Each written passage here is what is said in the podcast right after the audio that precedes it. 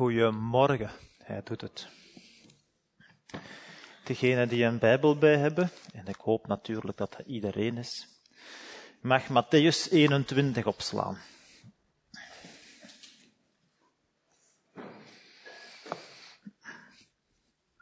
We gaan lezen uh, over een gesprek tussen Jezus en de fariseeën en de schriftgeleerden uit Matthäus 21.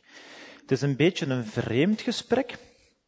De context is dat we in het midden van de Goede Week zitten. het verhaal, het gesprek speelt zich af op dinsdag van de Goede Week. Dus zondag, twee dagen eerder, is Jezus Jeruzalem binnengekomen op een ezelsveulen. mantels werden op de grond gegooid, palmtakken eh, werden afgebroken. de intreden in Jeruzalem was eergisteren zondag. Gisteren maandag heeft uh, Jezus de tempel gereinigd, schoongeveegd, de handelaars daar buiten gegooid. Vandaag, dinsdag, lezen we wat we direct gaan lezen. Morgen, woensdag, wordt er besloten om hem te doden. Overmorgen, donderdag, laatste avondmaal, gevangenneming. Vrijdag, de marteldood. En dan zondag, de verrijzenis. Daar zitten we. En we lezen Matthäus 21, vers 23. De vraag naar Jezus' bevoegdheid. En toen hij in de tempel gekomen was, kwamen de overpriesters en de oudsten van het volk naar hem toe, terwijl hij onderwijs gaf en zeiden, met welke bevoegdheid doet u deze dingen? En wie heeft u deze bevoegdheid gegeven? Jezus antwoordde en zei tegen hen, ik zal u ook één ding vragen. Als u mij dat zegt, zal ik u ook zeggen met welke bevoegdheid ik deze dingen doe. De doop van Johannes, van waar was die? Uit de hemel of uit de mensen? En zij overlegden met elkaar en zeiden, als wij zeggen uit de hemel, dan zal hij tegen ons zeggen, waarom hebt u hem dan niet geloofd? Maar als wij zeggen uit de mensen, dan zijn we bevreesd voor de menigte, want zij houden allemaal Johannes voor een profeet. En zij antwoordden Jezus en zeiden, wij weten het niet. En hij zei tegen hen, dan zeg ik u ook niet met wat voor bevoegdheid ik dit doe. Tot daar, voorlopig. Jezus wordt dus geconfronteerd met de vraag naar bevoegdheid. Waarom doet hij de dingen die hij doet? Nu, deze dingen, daarmee wordt bedoeld ja, de tempelreiniging van een dag eerder. Hè, waarom gooit Jezus de mensen buiten? De genezingen die hij doet, ook op de Sabbat. Het onderwijs dat hij geeft, op een heel andere manier dan de schriftgeleerden en de fariseeën, een heel ander soort van onderwijs. Van wie mag dat allemaal? Van wie mag dat dat jij zomaar die handelaren buiten gooit in een tempel? Van wie mag dat dat jij genezingen doet en op die manier onderwijs geeft? En op zich is dat een terechte vraag, denk ik. Want Jezus was geen officiële priester. Jezus was geen officiële schriftgeleerde. Dus dat kan op zich een terechte vraag zijn van, wat is uw bevoegdheid? Van wie mag dat allemaal? Maar Jezus antwoordt niet rechtstreeks op de vraag, omdat hij een probleem heeft met de vraag. Nu, het probleem is niet dat mensen geen vragen mogen stellen. Jezus is een leraar. Een leraar heeft juist graag dat mensen vragen stellen. hoe zit dit, hoe zit dat? Een leraar ja, wil juist daar graag op antwoorden.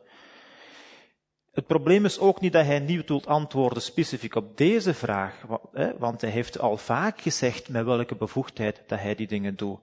Soms wat meer verdoken, soms heel duidelijk, maar Jezus heeft al vaak aangegeven dat hij door God gezonden is. In Matthäus 11, vers 27 staat, alle dingen zijn mij overgegeven door mijn Vader, en niemand kent de Zoon dan de Vader, en niemand kent de Vader dan de Zoon, en hij aan wie de Zoon het wil openbaren. Dat is toch al behoorlijk expliciet om te zeggen, ik ben de Zoon, ik kom van de Vader, en ik onderwijs u wat ik van de Vader geleerd heb.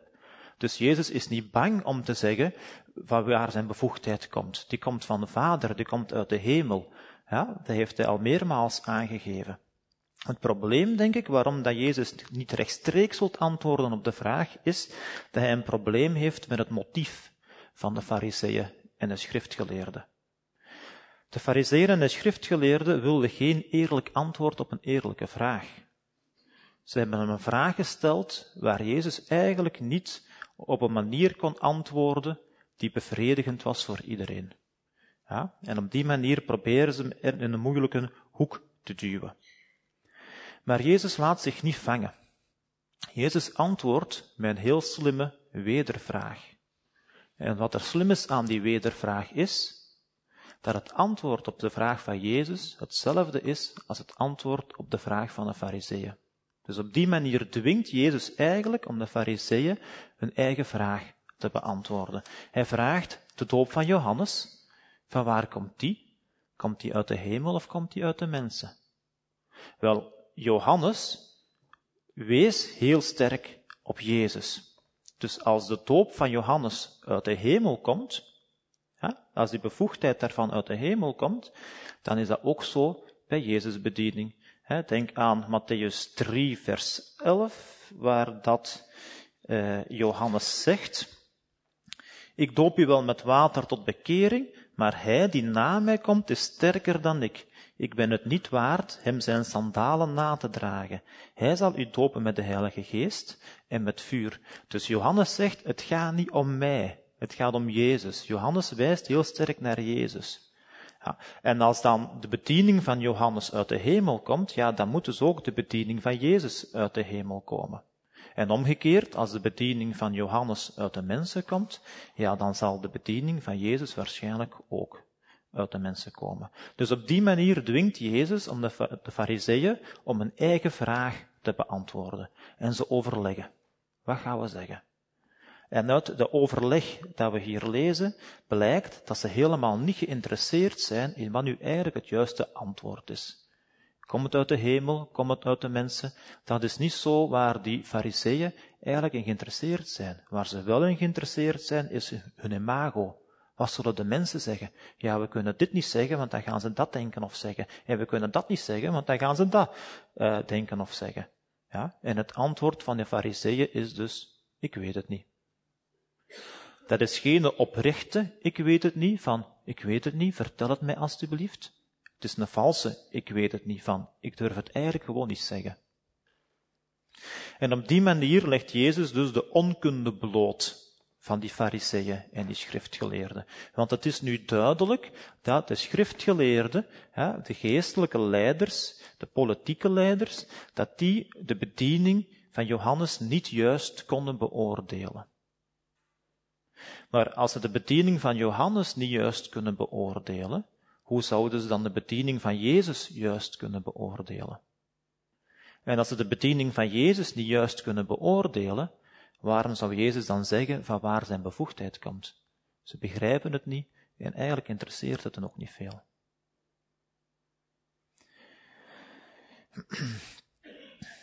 Eigenlijk is dat erg, want ze zijn de geestelijke leiders, ze moeten het volk bij God brengen. Ze moeten het volk vertellen over de beloofde Messias. En die beloofde Messias staat daar voor hun neus. En ze herkennen hem niet. En ze houden de mensen weg bij de Messias. Jezus laat het er dan niet bij. Jezus confronteert daarna de fariseeën en de schriftgeleerden met hun bevoegdheid. Ja? Zij hadden een officiële bevoegdheid. Zij waren de geestelijke leiders daar. Zij hadden een officiële bevoegdheid. Zij moesten, zij hadden dat mandaat om Israël te leren hoe ze moesten leven in de wegen van God. In tegenstelling tot Jezus, die geen officiële bevoegdheid had, hadden de fariseeën en de schriftgeleerden daar wel. Maar hoe gingen ze daarmee om? Helemaal niet zoals het de bedoeling was. Helemaal niet zoals Jezus dat graag zou willen. En hij maakt het dan duidelijk aan die fariseeën en schriftgeleerden aan de hand van drie gelijkenissen. In vers 28 begint dan de eerste gelijkenis over de twee zonen. En daar gaat het eigenlijk over dat de fariseeën vooral een schijn wilden hooghouden van gehoorzaamheid. Het gaat erover dat gehoorzaam zijn niet zozeer gaat over wat jij zegt dat jij doet, maar vooral over wat je effectief doet. Ja, en Jezus zegt van fariseeën, schriftgeleerden, jullie zeggen wel dat jullie gehoorzaam zijn, jullie doen wel graag alsof jullie gehoorzaam zijn, maar eigenlijk zeggen jullie dat helemaal niet. De derde gelijkenis begint in hoofdstuk 22, dat gaat over de koninklijke bruiloft. De fariseeën en de schriftgeleerden, zegt Jezus daar, jullie zijn eigenlijk niet geïnteresseerd in Gods koninkrijk. Jullie zijn eigenlijk alleen maar geïnteresseerd in jullie eigen eer, in jullie eigen prestige. Zie je het antwoord op de vraag van Jezus, wat zullen de mensen wel denken? Dat is waar die fariseeën en schriftgeleerden mee bezig zijn. En als geestelijke leiders zijn ze dus nalatig geweest. En de, en de gelijkenis gaat er dan over dat het koninkrijk, dat Gods koninkrijk zal weggenomen worden en dat er nieuwe gasten worden uitgenodigd. Ja? Je kent het, eh, de gelijkenis misschien. En dat moet behoorlijk hard bij de fariseeën zijn binnengekomen. Maar de tweede gelijkenis die daartussen staat, die hakt er serieus in. En dat is de gelijkenis van de slechte landbouwers, waar ik iets langer bij wil blijven stilstaan. Die staat in hetzelfde hoofdstuk vanaf vers 33. Jezus zegt daar, luister naar een andere gelijkenis. Er was een man, een heer des huizes, die een wijngaard plantte. Hij zette er omheining omheen, groef er een wijnpersbak uit en bouwde een toren. En hij verhuurde hem aan landbouwers en ging naar het buitenland. Toen de tijd, de kronos zal dat dan zijn, van de vruchten naderde, stuurde hij zijn slaven naar de landbouwers om zijn vruchten te ontvangen. En de landbouwers namen zijn slaven, sloegen de een, doodden een ander en stenigden een derde. Nogmaals stuurde hij andere slaven, meer in aantal dan de eerste, en zij deden met hen hetzelfde. Ten slotte stuurde hij zijn zoon naar hen toe en zei, voor mijn zoon zullen ze wel ontzag hebben. Maar toen de landbouwers de zoon zagen, zeiden ze onder elkaar, dat is de erfgenaam, kom laten we hem doden en zijn erfenis voor onszelf houden. Toen ze hem grepen, gegrepen hadden, wierpen ze hem buiten de wijngaard en doodden hem. Wanneer dan de heer van de wijngaard komen zal, wat zal hij dan doen met die landbouwers?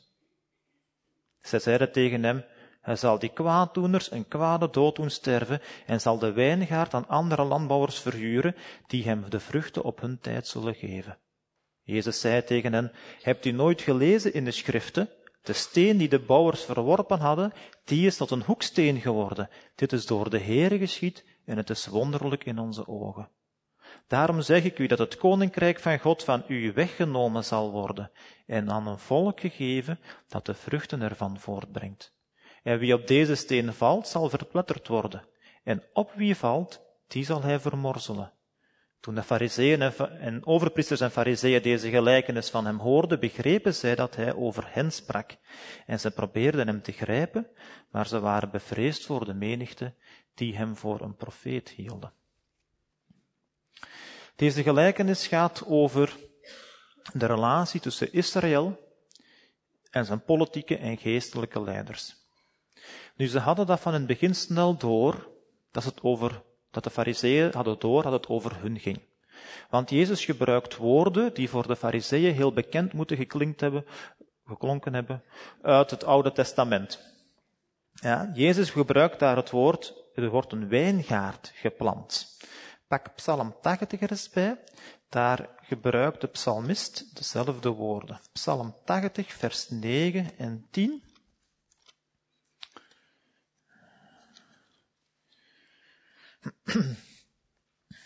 Asaf is de psalmist, vers 9 en 10. Hij zegt daar, U hebt een wijnstok uit Egypte uitgegraven, de heidevolken verdreven en hem geplant.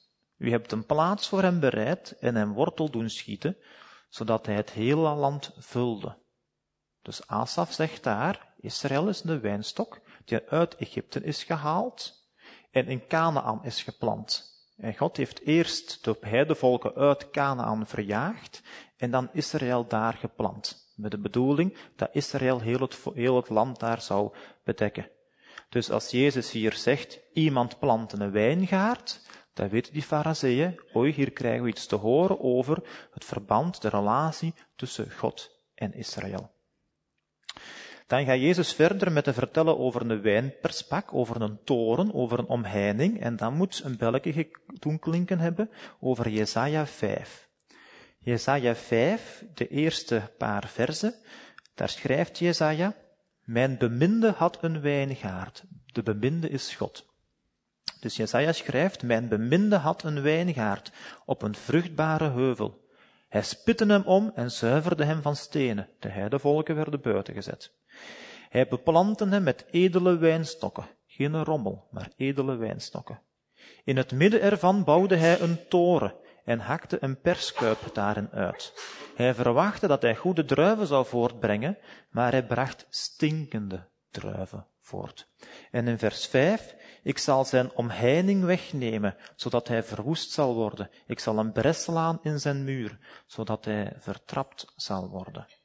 Dus het is hier duidelijk dat de landbouwers, waarover sprake is in Jezus zijn gelijkenis, dat zijn de leiders van Israël die moeten zorgen voor goede vruchten.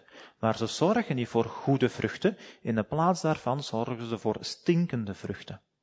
In een andere vertaling staat wilde druiven, zure druiven. Het gaat erover dat de smaak slecht is. En niet is, niet is zo goed als de smaak van de eigenlijk gekweekte druiven. Niet van de druiven die er moesten gekweekt worden, die er moesten groeien, hè, maar er komen stinkende, wilde, zure druiven. Nu, in de gelijkenis van Jezus zijn de fariseeën en de schriftgeleerden dan de slechte landbouwers, en die maken dus helemaal geen goede beurt. Want keer op keer worden de dienaren uitgezonden naar de wijngaard om te informeren naar de vruchten. En keer op keer zijn daar, net zoals in het Oude Testament, keer op keer de profeten willen onderwijzen hoe dat God wil dat Israël leeft, hoe dat God wil dat Israël vrucht draagt. Maar keer op keer worden die profeten mishandeld, net zoals in de gelijkenis van Jezus keer op keer die dienaren van de landheer worden mishandeld. Maar nu zegt Jezus, nu stuurt God zijn zoon. En het moet voor de omstanders duidelijk geweest zijn dat Jezus over zichzelf sprak. Nu stuurt God zijn zoon. En die zal gedood worden. De zoon is Jezus en op die manier voorspelt Jezus dus de dood die drie dagen later ook daar zal zijn. Maar wat dan met de wijngaard? En wat met Israël? Wel, Gods koninkrijk wordt afgenomen. En andere volken, wordt aan andere volken gegeven die wel de goede vruchten daarvan voortbrengen. Niet de zuur, niet de stinkende, maar aan andere volken die wel de goede vruchten daarvan voortbrengen. Nu in Lucas 20 staat het dezelfde gelijkenis en Lucas vermeldt op dit moment een detail dat hier in Matthäus niet staat. Als hier uh, staat, um, eh, wacht, wacht, er staat, als Jezus hier zegt van, uh, of wat de mensen zeggen, hij zal die kwaad doen door zijn kwade dood doen sterven, en de wijngaard zal aan andere landbouwers gegeven worden, dan staat er Lucas, de andere mensen roepen, dat nooit. Daar konden ze niet bij. De Joden konden daar niet bij dat die wijngaard, het koninkrijk van God, ooit aan andere mensen zal gegeven worden. Maar Jezus zegt dan, leest u een Bijbel eens.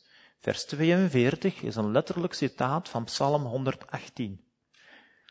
In Psalm 118, vers 22 tot 23 staat er letterlijk wat Jezus zegt hier in vers 42. De steen die de bouwers verworpen hadden, die is tot een hoeksteen geworden. Dit is door de Heer geschied en het is wonderlijk in onze ogen. Dat is letterlijk wat er staat in Psalm 118. Alleen in het Oude Testament als het gaat over de verworpen steen die hoeksteen wordt, dan gaat het over Israël en de wereldlijke leiders. De wereldlijke leiders verwerpen Israël, maar God maakt van Israël een hoeksteen. Een hoeksteen van Gods heilsplan. Wie Gods heil wil zien, kan niet buiten Israël. Zonder Israël valt Gods heilsplan helemaal in elkaar als een kaartenhuisje, want Israël is een hoeksteen. Maar nu in het Nieuwe Testament betrekt Jezus die psalm op zichzelf. En het gaat dan over Jezus en de Joodse leiders. De Joodse leiders verwerpen Jezus, ze hebben hem niet herkend als Messias. En God gaat de verworpen steen gebruiken om er een hoeksteen van te maken. Een hoeksteen van Gods heilsplan. Wie Gods heil wil zien, kan absoluut niet buiten Jezus. Zonder Jezus is er geen heilsplan. Jezus is een hoeksteen van Gods heilsplan met de wereld. En uiteraard reageren de fariseeën en de schriftgeleerden boos, want impliciet heeft Jezus juist het verwijt gegeven dat ze stinkende vruchten voortbrengen. En heel expliciet zegt Jezus dat ze uit het koninkrijk van God geworpen gaan worden. Doordat ze verkeerd omgaan met de bevoegdheid, met het mandaat dat zij als geestelijke leiders hebben. In de plaats van mensen naar God toe te leiden, houden ze mensen juist weg van God. Om dat op ons te betrekken allemaal, heb ik drie toepassingsvragen. Toepassingsvraag 1, dubbelpunt. Wie is Jezus voor jou? In vers 44 staat, en wie op deze steen valt, zal verpletterd worden.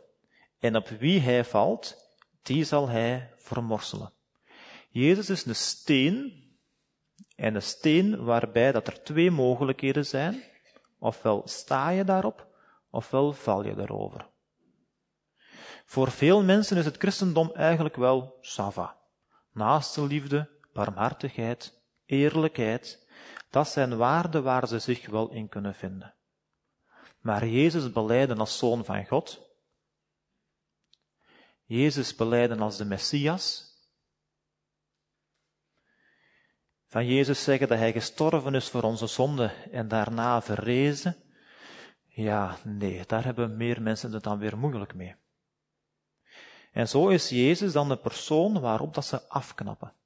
Ook al spreken de waarden van het christendom hen wel aan, uiteindelijk kunnen ze zich geen christen noemen, want Jezus is de persoon waarop dat ze afknappen. Jezus is op dat moment de steen waarover dat ze struikelen en waarover dat ze vallen.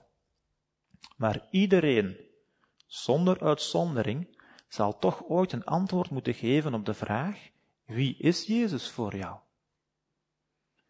Daar geen antwoord op geven komt op hetzelfde neer als een negatief antwoord geven.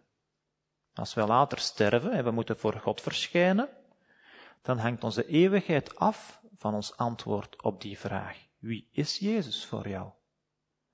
Staat jouw geloof op dat moment op Jezus de rots? Of is Jezus de steen des aanstoots waarover dat je gevallen bent? Is Jezus de Christus of niet? Is Jezus de Zoon van God of niet? Iedereen gaat hier voor zichzelf toch een antwoord op moeten geven. De tweede toepassingsvraag. Wat is onze motivatie om naar Jezus te gaan? Of misschien Anders geformuleerd, waarom zijn we gelovig? Waarom noemen we onszelf christen? Als niet-gelovige mensen aan u vragen, vertel mij nu eens, waarom ben je eigenlijk christen? Ja, wat is dan het antwoord? Valstrik leggen voor Jezus, iets verkeerd, eh, hem iets verkeerd doen zeggen, zoals de fariseeën dat probeerden. Dat was hun motief om naar Jezus te gaan. Ja, dat is ons motief waarschijnlijk niet. Maar veel subtieler kan het wel zijn dat ons motief toch niet het juiste motief is. Gaan we naar Jezus om onze persoonlijke wensen af te dwingen? Gaan we naar Jezus omdat we ons geliefd willen voelen en om dat af te dwingen? Willen we zijn zegen afdwingen? Willen we aanvaarding afdwingen? We moeten ervoor opletten dat we Jezus niet degraderen tot een bron van hulp, van zegen en genade. Ja, Tuurlijk is Jezus een bron van hulp en van zegen en van genade, maar Jezus is wel veel meer dan dat. Jezus is de heilige, Jezus is de koning der koningen, hij is de soevereine God. De soevereine God hoeft geen verantwoording af te leggen aan mensen. En de soevereine God laat zich niet manipuleren door wat de mensen doen. Jezus is de eeuwige, hij is hoog verheven boven alles en iedereen. Hij is groter dan het leven zelf, omdat hij het leven heeft gemaakt. En daarnaast kunnen we natuurlijk heel dankbaar zijn dat Hij hulp geeft, dat Hij ons zegent, dat Hij genadig is. Maar als niet-gelovigen nu aan ons vragen, waarom ben je gelovig? Waarom ben je christen? Wat is dan het antwoord? Omdat Hij mij helpt. Hoeveel procent van onze gebeden gaan naar lofprijs? En hoeveel procent van onze gebeden gaan naar het overlopen van een lijstje met vragen? Als God niet geeft wat je vraagt, maar in de plaats daarvan overvalt u armoede of ziekte of het verlies van een partner of een kind. Of je krijgt van God geen partner of een kind. Wat is dan uw antwoord op de vraag, waarom ben je eigenlijk gelovig, waarom ben je eigenlijk christen? Zijn wij alleen maar christen als de situatie daarnaar is? Bijvoorbeeld van, ik heb het goed, nu kan ik christen zijn en God daarvoor danken. Oei, nu heb ik het niet goed, ik ben teleurgesteld in God. Ja, nu even dan maar geen christen. Of omgekeerd, Ik heb problemen, ja, nu kan ik God vragen en, en, en hopen dat hem de problemen in mijn plaats oplost. Maar als ik het goed heb, ja, dan vergeet ik God, want ik heb het goed, ik heb God niet nodig. Of zijn wij christenen die boven de situatie staan en kunnen we onszelf christen noemen ongeacht de omstandigheden waarin dat we zitten? De landeigenaar die stuurt zijn zoon, omdat de behandeling van de zoon laat zien wat voor respect en wat voor ontzag er is voor de vader. Maar de landbouwers falen in die test, want ze vermoorden de zoon.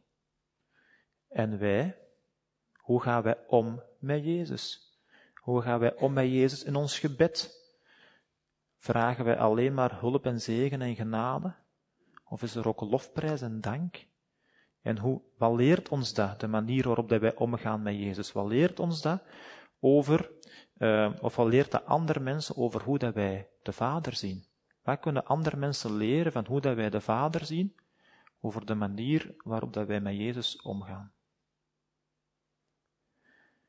Toepassingsvraag 3.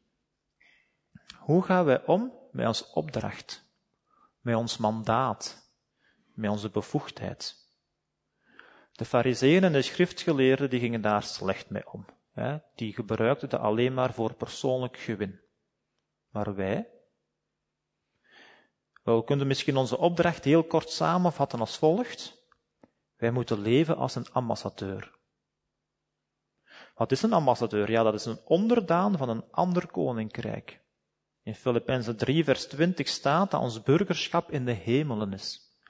Wij zijn onderdanen van een hemels koninkrijk, van een hemelse wereld. Waar een ambassadeur vertegenwoordigt die ander koninkrijk in het land waar dat hij leeft. En op die manier vertegenwoordigen wij de hemelse wereld hier in deze wereld. Wij zijn burgers van een hemels koninkrijk en wij vertegenwoordigen dat hemels koninkrijk hier op aarde. Maar belangrijk voor een ambassadeur is dat het imago van een ambassadeur afstraalt op het imago van het land van waar hij komt. Als een Amerikaanse ambassadeur hier van alles uitsteekt, dan krijgen wij een slecht beeld van Amerika. In Matthäus 5, vers 16 staat dat we goede werken moeten doen, zodat mensen dat zien en uw Vader die in de hemelen is verheerlijken. Dus wij moeten geen goede werken doen voor ons eigen eer, maar juist met de bedoeling van die eer door te geven aan een hemelse Vader. Want wij vertegenwoordigen dat hemelse koninkrijk. In Filippenzen 2 vers 5 staat dat wij de gezindheid van Christus moeten brengen. Als vertegenwoordiger moeten wij Christus dienen hier op aarde. Omdat wij een vertegenwoordiger zijn, moet uit onze daden blijken wie dat God is. Mensen moeten God leren kennen uit onze daden. Uit onze woorden ook. Maar gehoorzaamheid gaat niet over wat je zegt dat je doet, maar over wat je effectief doet. Hoe gaan wij mensen kunnen overtuigen van Gods liefde als wij zelf liefdeloos zijn? Hoe gaan wij mensen ervan kunnen overtuigen dat God genadig is als wij zelf ongenadig zijn? Tegenover elkaar, tegenover niet-gelovigen. Als wij zelf veroordelen, hoe kunnen wij dan mensen overtuigen van genade? Hoe kunnen wij de mensen van overtuigen dat God wil zegenen, als wij zelf geen zegen willen zijn voor iemand anders? God verwacht van ons dat uit onze daden blijkt dat wij burgers zijn van een andere wereld, van een hemelse wereld. Dat mandaat is aan ons toevertrouwd, of dat wij dat nu willen of niet, of dat wij daar nu zin in hebben of niet. Maar zijn we ons daarvan bewust? Dat we vertegenwoordigers zijn. Hier op zondag in de zaal, ik denk dat dat redelijk gemakkelijk is om daarvan bewust te zijn. Maar ook tijdens de week, ook op het werk, ook op school. Zijn wij bezig met wereldse zaken of zijn wij bezig met hemelse zaken? Zijn wij bezig met de wereldse zaken als geld, prestige, eer? Zijn dat de dingen die ons bezighouden tijdens de week? Onze welvaart, ons comfort, luxe? Zijn wij geneigd feiten te verdraaien naar gelang het ons goed uitkomt? Zijn wij geneigd om altijd het onderste uit de kant te halen, ook als dat ten koste is van iemand anders, omdat wij toch zoveel mogelijk willen hebben? Omdat de wereld zegt, je moet pakken wat er te pakken krijgen, te krijgen is? Of zijn wij bezig met hemelse zaken als barmhartigheid, liefde, vergeving, waarheid en trouw? Hoe serieus nemen we ons mandaat om meer en meer op Jezus te gaan gelijken en zo minder en minder Joris te laten zien? Ik wil afsluiten met een vooruitblik. Over drie weken zitten we in Nederland. Met meer dan 200 juist gehoord. Super. En het thema daar is schijn. Wel, ik denk dat schijnen heel veel te maken heeft met die drie vragen die ik juist heb gesteld. Meer nog, ik denk dat als we een bijbels antwoord kunnen geven op die drie toepassingsvragen, dat het schijnen bijna vanzelf gaat. De eerste vraag was, wie is Jezus? Wel, Jezus is de enige geboren zoon van God. Hij is de hoeksteen van Gods heilsplan met de wereld. Jezus is de Christus, een overwinnaar. Wat is onze motivatie om naar Jezus te gaan? Waarom zijn we christen? Wel omdat Jezus de enige is die ons leven waard is. Jezus is de enige die onze liefde waard is. Jezus is de enige die onze aanbidding waard is. En onze omstandigheden hebben daar niks mee te maken. Of dat wij een goed leven hebben, of dat wij een minder goed leven hebben, of dat wij ziek zijn, of dat wij gezond zijn, of dat wij rijk zijn, of dat we arm zijn, of dat we een partner hebben, of veel kinderen, of weinig kinderen, heeft niks te maken met dat Jezus onze aanbidding waard is. Hoe gaan we om met de bevoegdheid die we kregen? Wel, ik wil niet alleen in woorden, maar vooral ook in daden laten zien hoe dat Jezus is. Ik wil liefdevol zijn voor mijn medemens, zodat de medemens dan kan geloven dat God ook liefdevol is.